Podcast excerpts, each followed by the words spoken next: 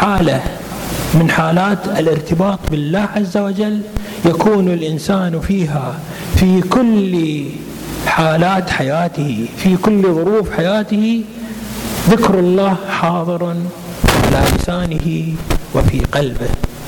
من أهم هذه المواطن. الموطن الأول هو عند حدوث ما يسر الإنسان نعمة من الله عز وجل. شيء من التجدد النعم على الإنسان. شيء يفرحه يدخل السرور في قلبه.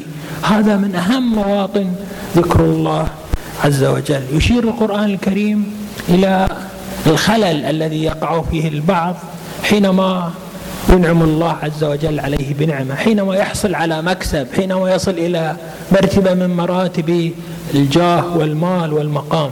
فيشير إلى لقمان فيشير إلى قارون. قارون الله عز وجل أعطاه من الكنوز ما إن مفاتحه لتنوء بالعصبة من ذوي القوة من أهل القوة. يعني كنوز لا حد لها كنوز عظيمة كبيرة. هذا قارون ماذا قال؟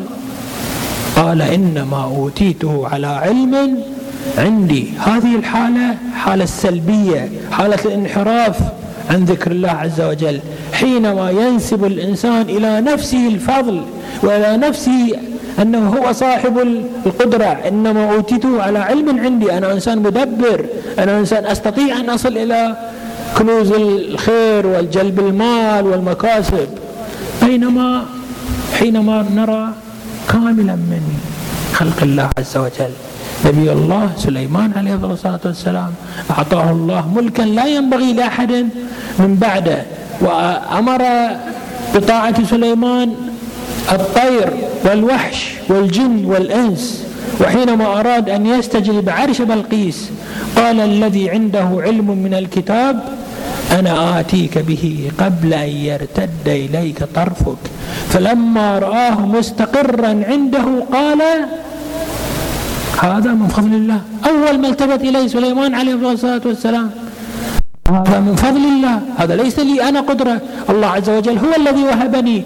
الله عز وجل هو الذي جعل هؤلاء يطيعونني ويأتمرون بأمري. الله عز وجل هو الذي أعطاه هذا العفريت هذا الإنسان هذه القدرة الذي عنده علم من الكتاب لم يكن من نفسه يمتلك هذه القدرة. الله عز وجل هو الذي وهبه وهو الذي جعله مطيعا لأمري.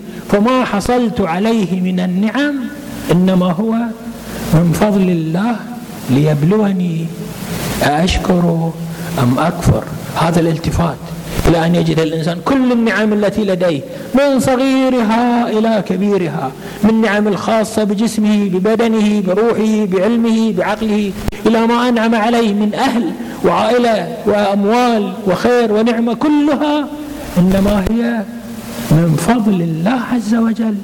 ليبلونا أنشكر أم أم نكفر؟ هذه الحالة الأولى لذكر الله. هذه ذكر لله عز وجل. سليمان عليه نبي الله سليمان على نبينا وآله وعليه وعلى جميع الأنبياء أفضل الصلاة والسلام أول ما التفت إليه من هذه النعمة. لأنها كرم من الله. هذه من جلائل أسماء الله وصفاته. الله عز وجل الكريم الله هو المعطي الله هو الحكيم هو الذي أعطانا هذه النعم.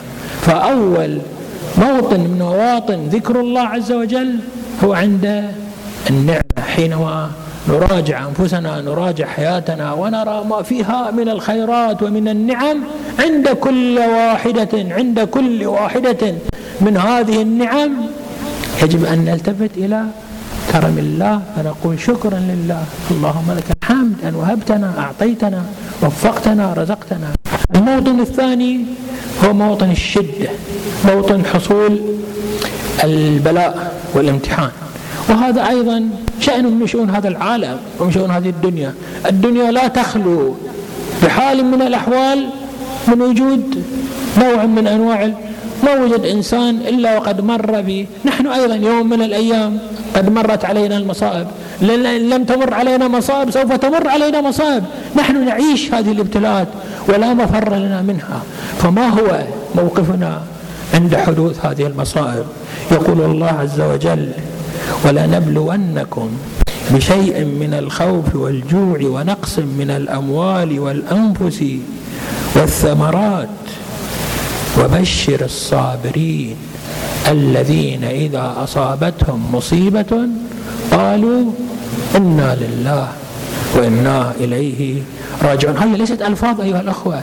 هذه استذكار هذه تحضير في القلب يخطر في قلب الإنسان يحضر عند قلب الإنسان أن هذا البلاء الذي حدث لي هذه المصيبة التي حدثت لي ليست لست أنا وحيدا لست أنا مفردا. أنا لله عز وجل هو مالكي هو مدبر أمري. إنا لله وأنا إلى الله عز وجل. مثل سائر المخلوقات؟ راجع إلى الله عز وجل. كل ما يجري علي وما يجري في هذا العالم هو بإرادة الله وبحكمة الله. حينها يشتد عود الإنسان في الصبر وبشر الصابرين. الإنسان لا يكون صابرا إلا إذا أدرك أن ما حل به إنما هو من الله وأنه إلى الله عز وجل. وراجع إليه. أولئك الذين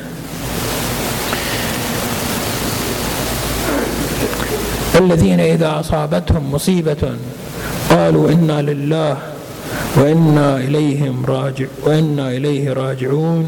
أولئك عليهم صلوات من الله ورحمة وأولئك هم المهتدون. هذا الذي يظهر في قلبه وفي خاطره ذكر الله عز وجل هو الإنسان الذي تتنزل عليه الرحمات في أعلى درجاتها. صلوات من الله ورحمة وأن الله عز وجل يهديه. الموطن الثالث عند مواجهة العدو العدو البشري العدو الإبليسي العدو الجني حينما يواجه الإنسان عدوا يريد أن يضره يريد أن يغويه يريد أن ماذا يكون شعوره؟ ماذا يكون إحساسه؟ قال تعالى يا أيها الذين آمنوا إذا لقيتم فئة إذا واجهتم عدوا فاثبتوا واذكروا الله ذكرا كثيرا لعلكم تفلحون. تطلبون النصر تطلبون الغلبة تطلبون أن تحافظوا على وجودكم. اذكروا الله اثبتوا واذكروا الله ذكرا كثيرا. الموطن الرابع يقول الإمام الصادق صلوات الله وسلامه عليه مبينا لنا حقيقة ذكر الله عز وجل في مراتبها وفي مواطنها. يقول في قوله تعالى ولذكر الله أكبر. يقول عليه الصلاة والسلام ذكر الله عندما أحل وحرم في مواطن أن يكون الإنسان بين حالتين اختيار الحلال أو اختيار الحرام اختيار الطاعة أو اختيار المعصية. إذا حضر ذكر الله في قلبه حين ذاك يكون هذا هو الذكر الذي عبرت عنه الآيات القرآنية ذكر الله أكبر.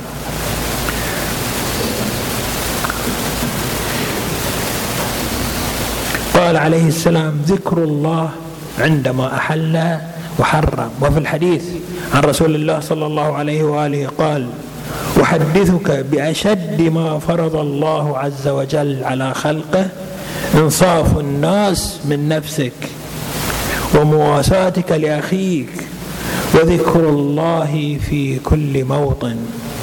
أما إني لا أقول سبحان الله والحمد لله ولا إله إلا الله والله أكبر. يعني مو ذكر الله محصورا بذكر هذه المعاني. وإن كانت يقول صلوات الله وسلامه عليه وإن كانت هذه الأذكار هذه التسبيح والتحميد والتهليل من ذكر الله عز وجل. ولكن ذكر الله في كل موطن إذا هجمت على طاعة أو معصية. إذا تخيرت بين طاعة ومعصية واخترت الطاعة فأنت ذاكر لله عز وجل. إذا اخترت المعصية فأنت غافل عن الله عز وجل. حتى لو قلت سبحان الله حتى لو قلت أستغفر الله ولكن ما دمت قد اخترت المعصية فإنك غافل عن الله وما دمت قد اخترت الطاعة واتجهت إلى الطاعة فإنك ذاكر لله عز وجل. ويقول الإمام الرضا صلوات الله وسلامه عليه أيضا مبينا اتساع دائرة ذكر الله عز وجل وشمولها لكل حالات الإنسان. يقول من ذكر الله ولم يستبق إلى لقائه. يعني ذكر الله عز وجل لكنه ما سعى ما تحرك ما عمل شيئا ما أقدم على التقرب إلى الله عز وجل. فقد استهزأ بنفسه. يعني هذا إنسان فقط يتلهى بالألفاظ يذكر الله عز وجل ولكنه لا يبالي لا يهتم. يصلي تتأخر الصلاة يصوم يفوت مثلا المستحبات تفوته الخيرات تفوته عمل الخير يفوته الإحسان. ما يهتم ما يعتني. هذا ليس ذاكرا لله عز وجل. ودلالة على أن ذكر الله عز وجل يسع كل الوجود الإنساني وفي كل مرتبة من مراتب وجوده وفي كل حال من أحوال تكامله يقول الله عز وجل إن الذين آمنوا وعملوا الصالحات يهديهم ربهم بإيمانهم تجري من تحتهم الأنهار في جنات النعيم. دعواهم فيها. سبحانك اللهم وتحيتهم فيها سلام. وآخر دعواهم. آخرهم ومعناته أنها تأتي باللفظ. آخر ما يقول الإنسان الحمد لله رب العالمين. آخر دعواهم يعني أعلى مراتب الدعوات. حينما تبلغ نعم الله بالإنسان في الجنة وفي النعيم وفي كل الخيرات آخر درجة من درجات نعم الله على الإنسان. أعلى مرتبة من مراتب وجودك أيها الإنسان. وآخر دعواهم أن الحمد لله رب العالمين. الإنسان الصادق المؤمن الذاكر لله عز وجل هو الذي يكون منطقية ذكر الله فكر ذكر الله معنى ذكر الله عز وجل حاضر عنده في كل جوانب حياته من أقلها كما يقول أمير المؤمنين عليه الصلاة والسلام اسأل الله في تسع نعلك حتى هذه الحاجات البسيطة والصغيرة اسأل الله عز وجل فيها. واسأل الله عز وجل آخر دعواهم الحمد لله رب العالمين. من بداية من مرتبتك الأولى في طلباتك في حياتك في رغباتك هي من الله؟ وآخر مرتبة من مراتب وجودك هو الله عز وجل. في الختام فقط أشير إلى أن الإنسان مخير مخير بين أن يكون ذاكرا لله عز وجل أو قرينا للشياطين.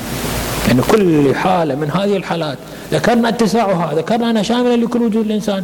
في كل هذه المراتب الإنسان إما أن يكون ذاكرا لله عز وجل أو مدعيا لنفسه مدعيا للأقوياء مدعيا أنهم هم أصحاب السلطة. أن المال هو الذي يعطيه الخير أن المال هو الذي يسعده أن الجاه هو الذي إذا نسب الإنسان أي نعمة إلى نفسه أو إلى غيره من المخلوقات. ونسي ذكر الله عز وجل فقد ضل ضلالا مبينا يقول جل وعلا. ومن أعرض عن ذكري فإن له معيشة ضنكا. ما عندك لحتين إما أن تكون من أهل الذكر ذاكرا لله عز وجل سوف ترى كل الأشياء جميلة كل الأشياء فيها لك الخير فيها لك الرحمة. أو أن تكون غافلا. فستكون حياتك هي كلها. ظنك في في ظنك. الآن حسب الظرف الزماني والتطور الذي بلغه الإنسان وفر لنفسه كثير من الحاجات. وفر لنفسه هواء نقيا وفر لنفسه آه، مأكلا وفر لنفسه معرفة بهذا الوجود. أصبح يستثمر في أمور لم يكن يوم من الأيام. يتأمل أن يستثمر فيها. أصبح يوفر لنفسه من المتع ما لم يكن يوفر فيه سابقا. كيف يعيش الإنسان؟ كيف يجد الإنسان نفسه؟ اليوم تذكر الإحصائيات أنه المصابون بالاكتئاب فعلا في هذا العالم. يعني الذين يعانون اليوم من الاكتئاب يبلغ عددهم ثمانمائة ألف إنسان مصابون بالاكتئاب. والذين سوف يمر عليهم. يعني من هؤلاء الموجودين. كلنا الآن هؤلاء الموجودين. كلنا 25% من الموجودين على ظهر الأرض من البشر سوف يمرون بمرحلة الاكتئاب. في كل سنة في كل سنة ينتحر ويقدم على الموت بالانتحار 400 مليون شخص 400 مليون شخص يموتون بالانتحار. أما الذين ينتحرون ولا ندري عنهم ما تصير لهم حالة موت ما يفقدون حياتهم فهؤلاء عشرات الأضعاف هذا الرقم. هؤلاء يموتون. من ماذا يموت الإنسان؟ وقد سعى وأتى لنفسه بأنواع وهذه الأمور ليست خاصة بالإنسان الذي لا يجد غذاء أو لا يجد مأوى أو لا يجد ملبسا. هذا حالة تشمل حتى هذا الإنسان الذي تطور وأصبح لديه ما يريد ما يعتقد أنه يشبع حاجته حينما ابتعد عن الله عز وجل ظهرت لنا هذه النتائج. نحن أيها الأخوة جميعا حتى المؤمنين بالله عز وجل إذا غفلنا عن الله عز وجل نكون قد عرضنا أنفسنا لحالات من الضعف والانهيار والإضطراب والاكتئاب. اليوم أصبحت حالات الإصابة بالأمراض النفسية والعصبية لا يكاد يخلو منها يعني بيتا أو لا يكاد يخلو منها مجموعة من من الناس. أصبحت حالة سارية ومنتشرة بين البشر. السبب في ذلك هو أن الإنسان أغفل عن أن القادر في هذا الوجود. المدبر لهذا الوجود الرازق في هذا الوجود المعطي المحيي المميت الناشر للخيرات والنعم هو الله عز وجل. نسأله جل جلاله بجاه أنبيائه وأوليائه بجاه محمد وآله صلوات الله وسلامه عليهم أجمعين أن يصلي على محمد وآل محمد وأن يعجل في ظهور سيدنا مولانا صاحب العصر والزمان وأن يخلص الإنسانية عامة والمسلمين خاصة من شرائر أنفسهم ومن شرائر ما ساقوا إليه. حياتهم وأن يجعلنا وأن يجعلنا وإياكم من الناجين بحق محمد وآله الطيبين الطاهرين. والحمد لله رب العالمين. وصلى الله على محمد وآله الطاهرين.